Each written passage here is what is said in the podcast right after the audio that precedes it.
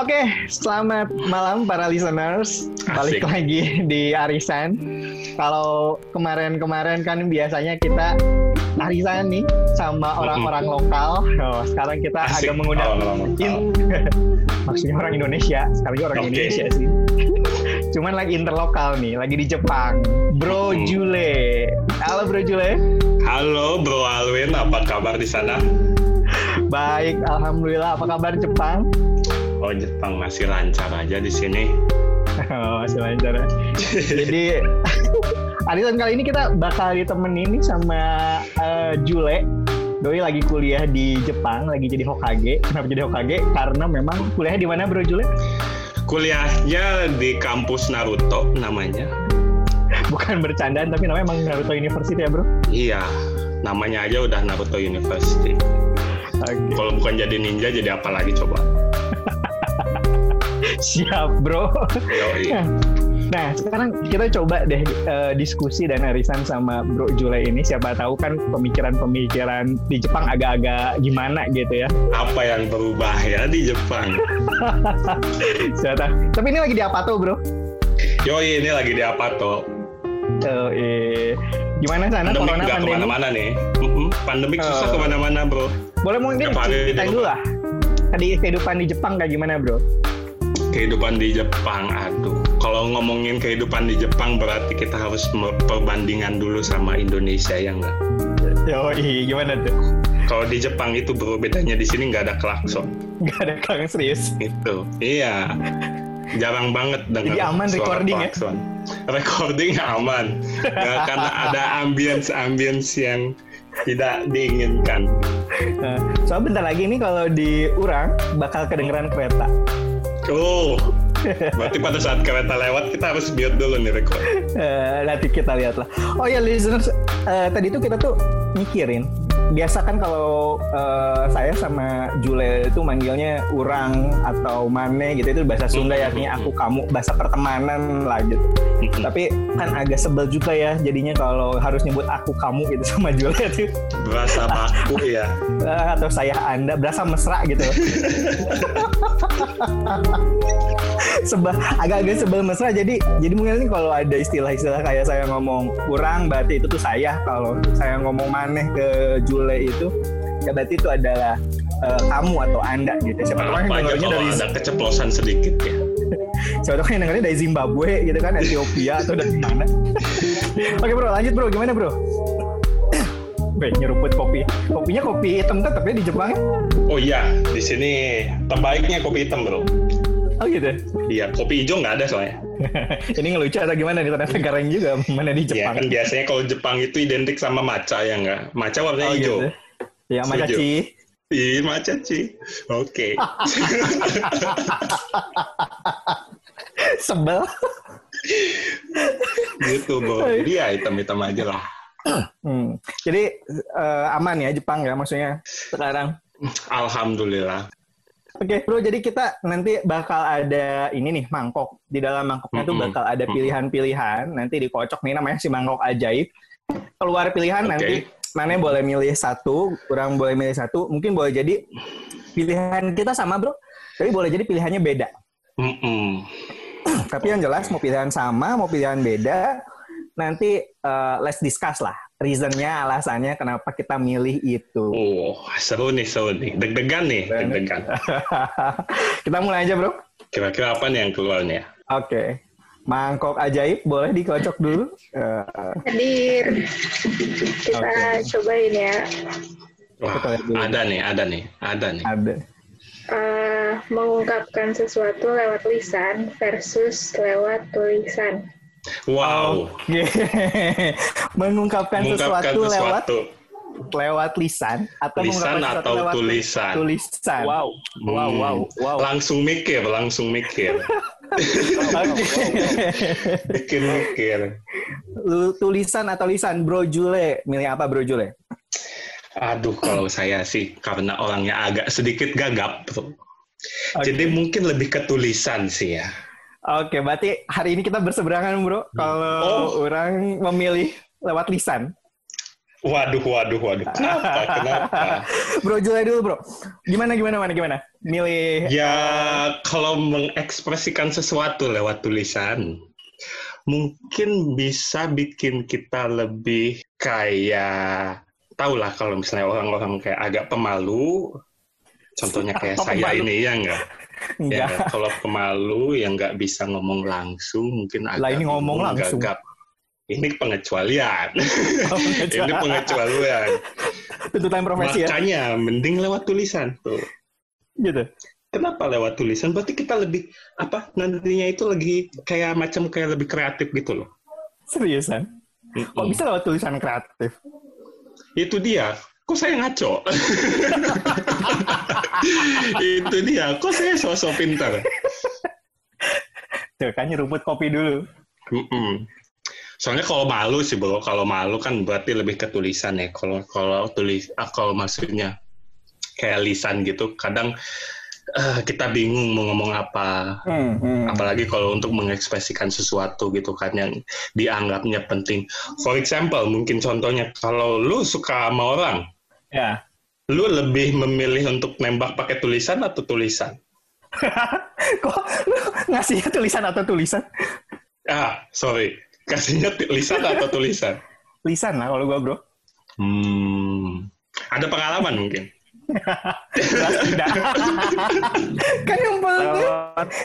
Lewat tulisan ada pengalaman le Nah, Nah, pengalaman, ini kalau Ini. dibahas soal pengalaman karena pengalaman sih ya, oke, pengalaman karena lewat tulisan itu lebih lebih terbuka saya waktu dulu. Hmm. lebih merasa kayak pede kalau lewat tulisan. Jadi dulu sih Tapi lebih di- ke tulisan. Tapi diterima. Oh, Oh, oh, oh. alhamdulillah ya mungkin karena tulisannya lagi bagus jadi jelas gitu. Tapi kan di sini gini, tersampaikan di situ. Mm-mm. Tapi kan kita mikir kalau ngomongin perasaan atau ngomongin pikiran itu kan nggak cuma masalah cinta-cintaan ya. Atau misalnya lu lagi marah, lagi sedih, lagi takut gitu. Apakah emang bener lewat tulisan atau emang lebih seneng ngungkapin langsung? Kalau gue sih lebih enaknya ngungkapin langsung. Kenapa? Karena ketika ngungkapin langsung tuh satu memang bisa nangkap ekspresinya, bro. Hmm, ekspresi Nah. muka maksudnya ya. Yes, gesture, Mm-mm. ekspresi muka, sehingga ketika misalnya katakanlah gue lagi nyampein sesuatu, terus kelihatan ekspresinya, kadang langsung jadi mikir lagi, milih lagi, harus ngungkapin dengan cara yang seperti apa. Jangan-jangan ketika Ah. ngungkapin dengan cara yang A, terus aduh nih ra- raut mukanya, gesturnya Hmm. agak Berarti agak masih bisa direnovasi. Kata-katanya bisa Direnovasi. gitu kan. Kayak rumah ya Pak, ya, renovasi. Jadi pada saat kita ngomong A, eh gesturnya Nah. kok malah kayak lebih ke negatif gitu kan. Berarti Ah, udah direnovasi kata-katanya. Udah posisi nampar. Kata-katanya. direnovasi diganti biar dapat B ya gitu. dia dapat B gitu loh. Jadi Benar. sebenarnya em- emang sih kalau lewat tulisan kalau gue mikir kayaknya memang lebih sistematis ya nggak sih, lebih terarah, dipikirin matang dulu gitu ya. Tapi kalau buat gue sendiri sebenarnya le- lebih penting kalau buat gue nih lebih penting mengetahui ekspresi, mengetahui gesture, mengetahui konteks nonverbal dari partner bicara. Supaya lebih tahu nih cara tahu strateginya bagaimana eh, menyampaikannya apakah memang perlu direnovasi kayak tadi. Atau sudah dengan planning yang ada. Tapi sebenarnya ngomong pun bukan berarti nggak di planning loh. Apalagi kita mau marah ya mau sedih mau kecewa. Misalnya gue mau ngomongin sesuatu yang aduh mau ngomongin unek-unek nih.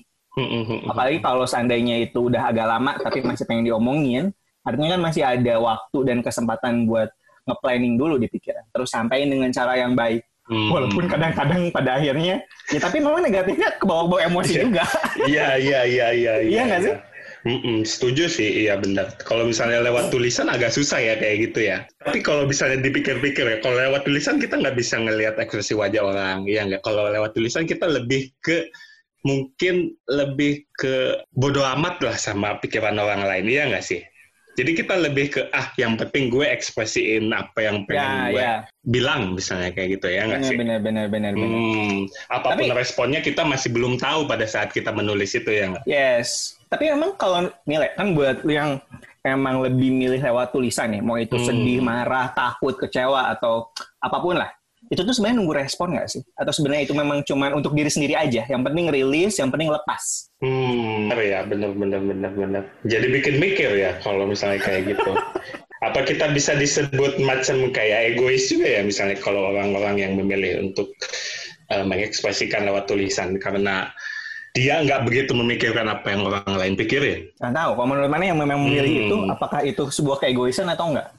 Tapi kita harus ngelihat dulu dari pribadi orangnya dulu ya nggak sih? Gimana tuh? karena orang kalau misalnya orang orang yang emang nggak bisa eh, mengekspresikan tatap muka mungkin dia lebih belok ke untuk tulisan karena kalau lewat lisan dia yakin kalau dia nggak bisa mengekspresikan apa yang mau dia bilang Hmm, hmm, hmm. Hmm. Kalau tulisan. dan maksudnya pun bakalan nggak akan sampai ke si tujuannya Ketika memang tadi bingung cara nyampeinnya, Hmm. terus nggak tahu takut salah nyampein atau gimana? Hmm, nggak bisa disebut egois juga ya nggak karena dia juga mikirin orang lain juga Oh ya benar benar benar benar. Hmm. Benar benar benar. Jadi kalau gitu sebenarnya ada caranya masing-masing ya. Tergantung maksudnya tergantung nyamannya juga kali ya. Hmm, mungkin lebih ke kenyamanan juga berarti ya. Iya nggak? Iya ya. Atau mungkin cari kayak- aman juga ya? Iya cari aman masuk nggak ya? Tapi kalau menurut oh ya eh sebenarnya pada akhirnya satu kenapa kita memilih ya terserah lah. Misalnya kayak orang milih lisan, Hmm. mana milih tulisan, satu pasti mau nggak mau ya eh, pilih nyaman dan pilih aman juga ya. Hmm, benar. Antara Pil- nyaman pil- dan aman ya? Ya, ya, pilih nyaman karena memang katakanlah lebih biasa mengekspresikan lewat pikiran. Kalau satu, eh sorry, lewat lisan, satu terekspresikan Hmm. lewat tulisan. Dan justru kalau orang cari amannya, kenapa harus ngomong langsung? Karena merasa akan lebih mampu mengontrol situasi lewat lisan dibandingkan lewat tulisan. Hmm. Nah, gitu. Tapi mungkin buat eh, lu yang ini ya, yang lewat tulisan, kayaknya Hmm. lebih ngerasa aman dan safety ketika memang itu lewat tulisan aja ya, tanpa perlu tahu respon Iya. orang. Takutnya kalau kita lagi lagi lagi ngomong misalnya pakai lisan gitu kan. Tahunya Nah. misalnya lawan bicara kita udah pengen nampar aja nih ngelihat kita pengen apa gitu kan. Ngomong apa Nah. misalnya gitu kan. Takut kan? Makanya mending Hmm. lewat tulisan gitu kan. Cari amannya di situ. Oh, kalau orang justru tadi sih lebih ke eh, mencoba mengontrol atau mengelola situasi-situasi yang ada. Karena kalau buat orang kayaknya agak susah juga, bro, kalau lewat tulisan mencoba mengelola situasi mengelola situasi yang ada gitu. Hmm, iya Tapi- sih ya kita mm-mm, kalau lewat tulisan kita nggak bisa mengontrol environment di situ ya. Iya, tapi ya tergantung. Hmm, kitanya punya kemampuan. yang ada ya. Hmm. Yes, kita punya kemampuan buat ngelola itu atau enggak juga sih. Sebenarnya kan itu juga ya yang dipersyaratkan. Lewat lisan itu. Yes. Iya nggak sih? Hmm, bingung juga ya. Mungkin ter- ter- tergantung konteksnya juga masuk akal nggak ya? Kalau Ya. konteksnya macam kayak nembak gitu kan, mungkin lebih afdolnya lewat lisan. Kalau lewat tulisan berasa kayak kecut gitu kan orangnya kan. Tapi maksudnya pada akhirnya mungkin kenapa orang mau milih lisan, mau milih tulisan satu, memang kalau kita bisa tarik kesimpulannya, memang kenyamanan dia ada di situ, ya kan? Mm-mm. Yang kedua, mungkin rasa amannya ketika berada di situ. Hmm. Satu, kalau buat ya buat gue ya, Mm-mm.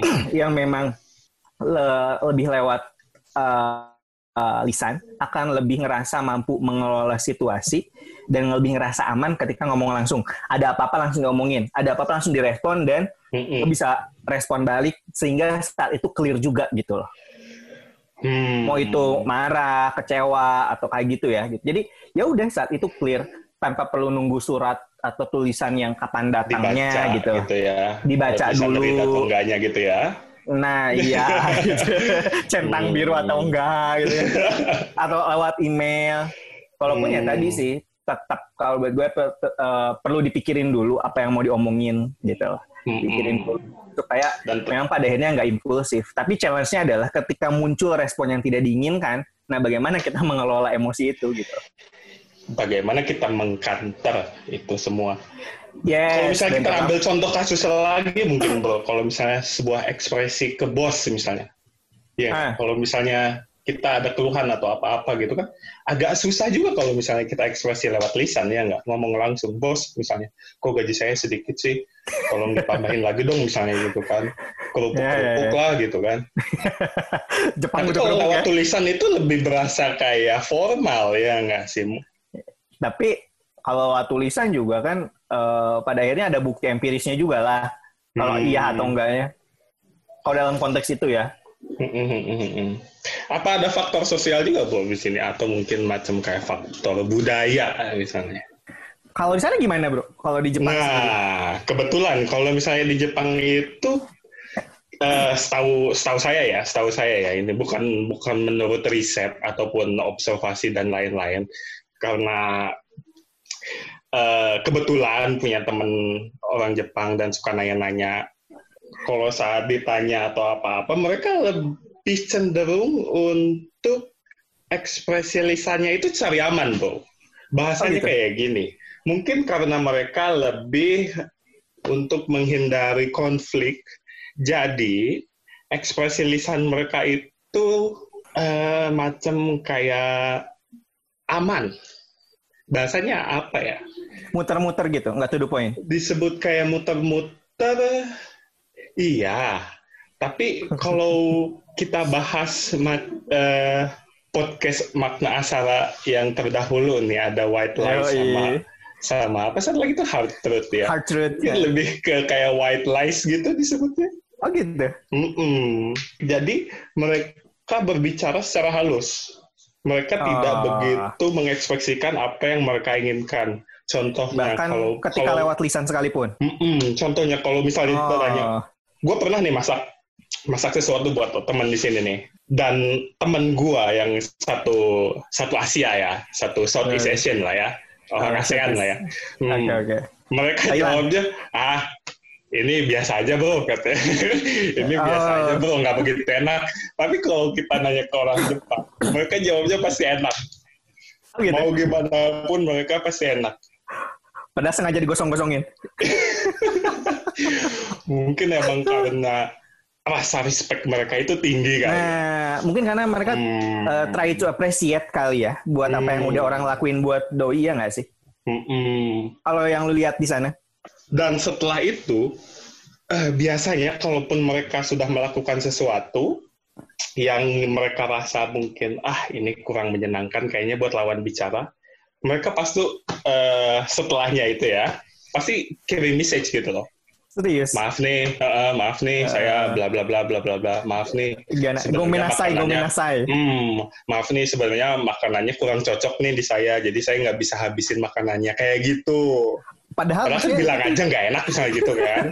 tapi maksudnya dia tuh nggak ngabisin makanan, terus doi balik, terus tiba-tiba nge-message. Hmm, Cuman buat say sorry kalau makanannya nggak dihabisin. mungkin mereka ngerasa insecure, takutnya kalau saya itu bertanya-tanya gitu kok nggak dihabisin gitu kan ya. Padahal kan peduli amat ya. Kalau lu begitu kan orangnya. iya. Malah Nah, pasti gitu makan kali makanan ya. sisa. Mm-mm. gitu bro. Jadi kalau dipikir-pikir mungkin faktor budaya pun bisa Ngaruh meng- mempengaruhi ya.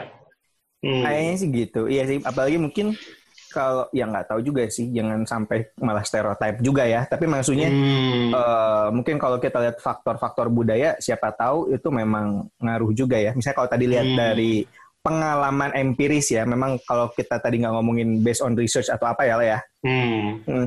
Tapi tadi kalau ngomongin dari sisi eh, budaya yang memang terlihat gitu, oh ternyata bahkan kalau aku ngelihatnya gini, Le, eh, mau itu lisan ataupun itu tulisan, ternyata kalau di Jepang tuh bukan masalah lisan atau tulisannya, tapi justru lebih terkait ke tadi ya eh, apresiasinya, lebih coba Ah. white lies-nya, gitu nggak sih? Hmm, hmm, hmm. Konteksnya ya. Iya iya iya. Malah Hmm. pada akhirnya ketika beres eh, makan pun balik lagi ke message gitu ya. Eh message Hmm. lagi gitu. nggak bisa stereotip juga kita ya nggak semua orang Jepang seperti itu nggak se- semua Iya, orang iya, Indonesia iya. macam kayak kita misalnya gitu ya kan lebih ke lisan Kita atau apa? gimana gitu kan Kita maksudnya maksudnya lu gitu kan lu kan lebih ke lisan ya nggak sih kalau gue udah kelamaan di Jepang jadi lebih ke tulisan gitu gimana oh, gitu. Alah, dari dulu juga gitu nggak sih kayaknya. gitu yang nggak masuk akal Nah, iya, iya sih. Tapi memang sepertinya mau itu lewat tulisan, kalau mau kita wrap up nih, mau lewat tulisan atau lewat lisan, baik lagi nih satu, tadi nyaman kitanya atau enggak ya lah ya. Nah, yang kedua, memang kalau aku sendiri melihat bahwa ya itu tadi untuk mencoba mengelola respon, untuk mencoba mengelola situasi, pada akhirnya ngerasa lebih aman aja gitu, gitu. Hmm. Balik lagi ke sana kali ya. Kenyamanan individu juga ya Ya rasa nyaman, Hmm. rasa aman. Mungkin ada satu orang misalnya kayak lu yang ada yang lewat tulisan lebih ngerasa safety, lebih ngerasa aman. Ya udahlah lewat tulisan aja, lebih terstruktur, lebih sistematis, lebih ekspresif juga kali ya kalau lewat tulisannya. Mm-mm. kan sekarang ada emoji juga bro Oh gitu. kalau kalau misalnya kerasa tulisannya terlalu baku ya kita tambah emoji dikit lah Eh, kalau enggak iya, kalau enggak iya hanya banyak ya iya gitu. ya Biar kelihatan ya ramah aja smiley padahal. smiley smiley gitu Iya, smiley-nya banyak gitu. Iya sih, tapi kayaknya sekarang lewat tulisan juga udah cukup banyak, udah cukup ekspresif ya. lebih trending juga kali ya kalau sekarang ya Yo iyo iyo Ada lagi nggak seru bro? juga bahasan hari ini Seru juga bahasan hari ini. Ya. Oke, wrap up bro. Closing statement. Closing statement ya dari perwakilan dong ya pro kayaknya kan lu. ah bukannya lo Enggak lah. kalau dari gua sih makasih banget udah ngundang makasih banget udah ngundang gila masuk mak makna asara deg-degan awalnya Yang malah tadi tuh eh Julia itu sebelum mulai itu, bro minta skripnya dulu bro. Skrip apaan? iya Bukan kirain settingan ada bro. skrip atau apa gitu kan biar terbantu gitu Oke, gitu listener semua mudah-mudahan ya walaupun kita obrolan-obrolan santai malam ini ya Bro Jule ya. Ada insight yang bisa diambil bahwa ternyata ya mau itu pilihannya mengungkapkan perasaan atau pikiran lewat lisan atau lewat tulisan ya setiap orang juga punya alasannya masing-masing. Tapi kalau yang tadi nih ini diskusi kita berdua ya mungkin teman-teman boleh punya pendapat lain punya pandangan lain. Yang jelas tadi kita akan lebih merasa nyaman dengan seperti itu ya Leh iya mungkin leave a comment below Iya. Dan yang below mana? bukannya bakal di post nih oh enggak Oh iya bakal di post ya. At- itu yang pertama kalau tadi masalah komen di bawah masalah rasa nyaman kalau buat kita berdua. Dan yang kedua adalah ngerasa lebih aman aja dengan cara-cara seperti itu. Kalau saya memang ngerasa lebih aman dengan cara lewat ekspresi lisan. Kalau Jule ini lebih aman dengan ekspresi tulisan. Gitu. Jadi kalau kita tadi lebih ke nyaman, comfort ya, dan aman, safety, lebih ke safety gitu ya. Le? iya Ya. safety ya Oke, oke, gitu listeners. Jadi eh, teman-teman semua boleh punya pendapat masing-masing, boleh sama, boleh beda. Eh, kalaupun sama mungkin punya alasannya yang berbeda juga. Kalaupun berbeda jangan-jangan alasannya sama gitu. Tapi yang jelas eh, arisan ini ada bukan untuk memecah belah Bro Jule, tapi justru kita Iya, untuk betul. berbagi pandangan, berbagi sudut pandang. Jangan-jangan walaupun pilihannya beda, kalau kita tahu alasannya, kita bisa lebih saling mengerti dan memahami lagi. Yo. mungkin listener juga ada pilihan lain mungkin ada pilihan ketiga yaitu ada voice call Ya lisan tapi tidak tatap muka ya. Oh iya juga bener-bener. Oh Iya. jadi makin canggih ya bro. yoi berdua Oh iya bener bener bener bener bener. Oke gitu. Thank you banget Bro Jule. Salam buat teman-teman di Jepang, Doraemon, Nobita, thank Naruto. you banget bro Alwin salam buat teman-teman Bandung Jakarta dan sekitarnya Oke siap. Sampai ketemu lagi di arisan berikutnya. asik semangat Yo habisan Yo See you goodbye. mata aimasho Oke mata imasho. see you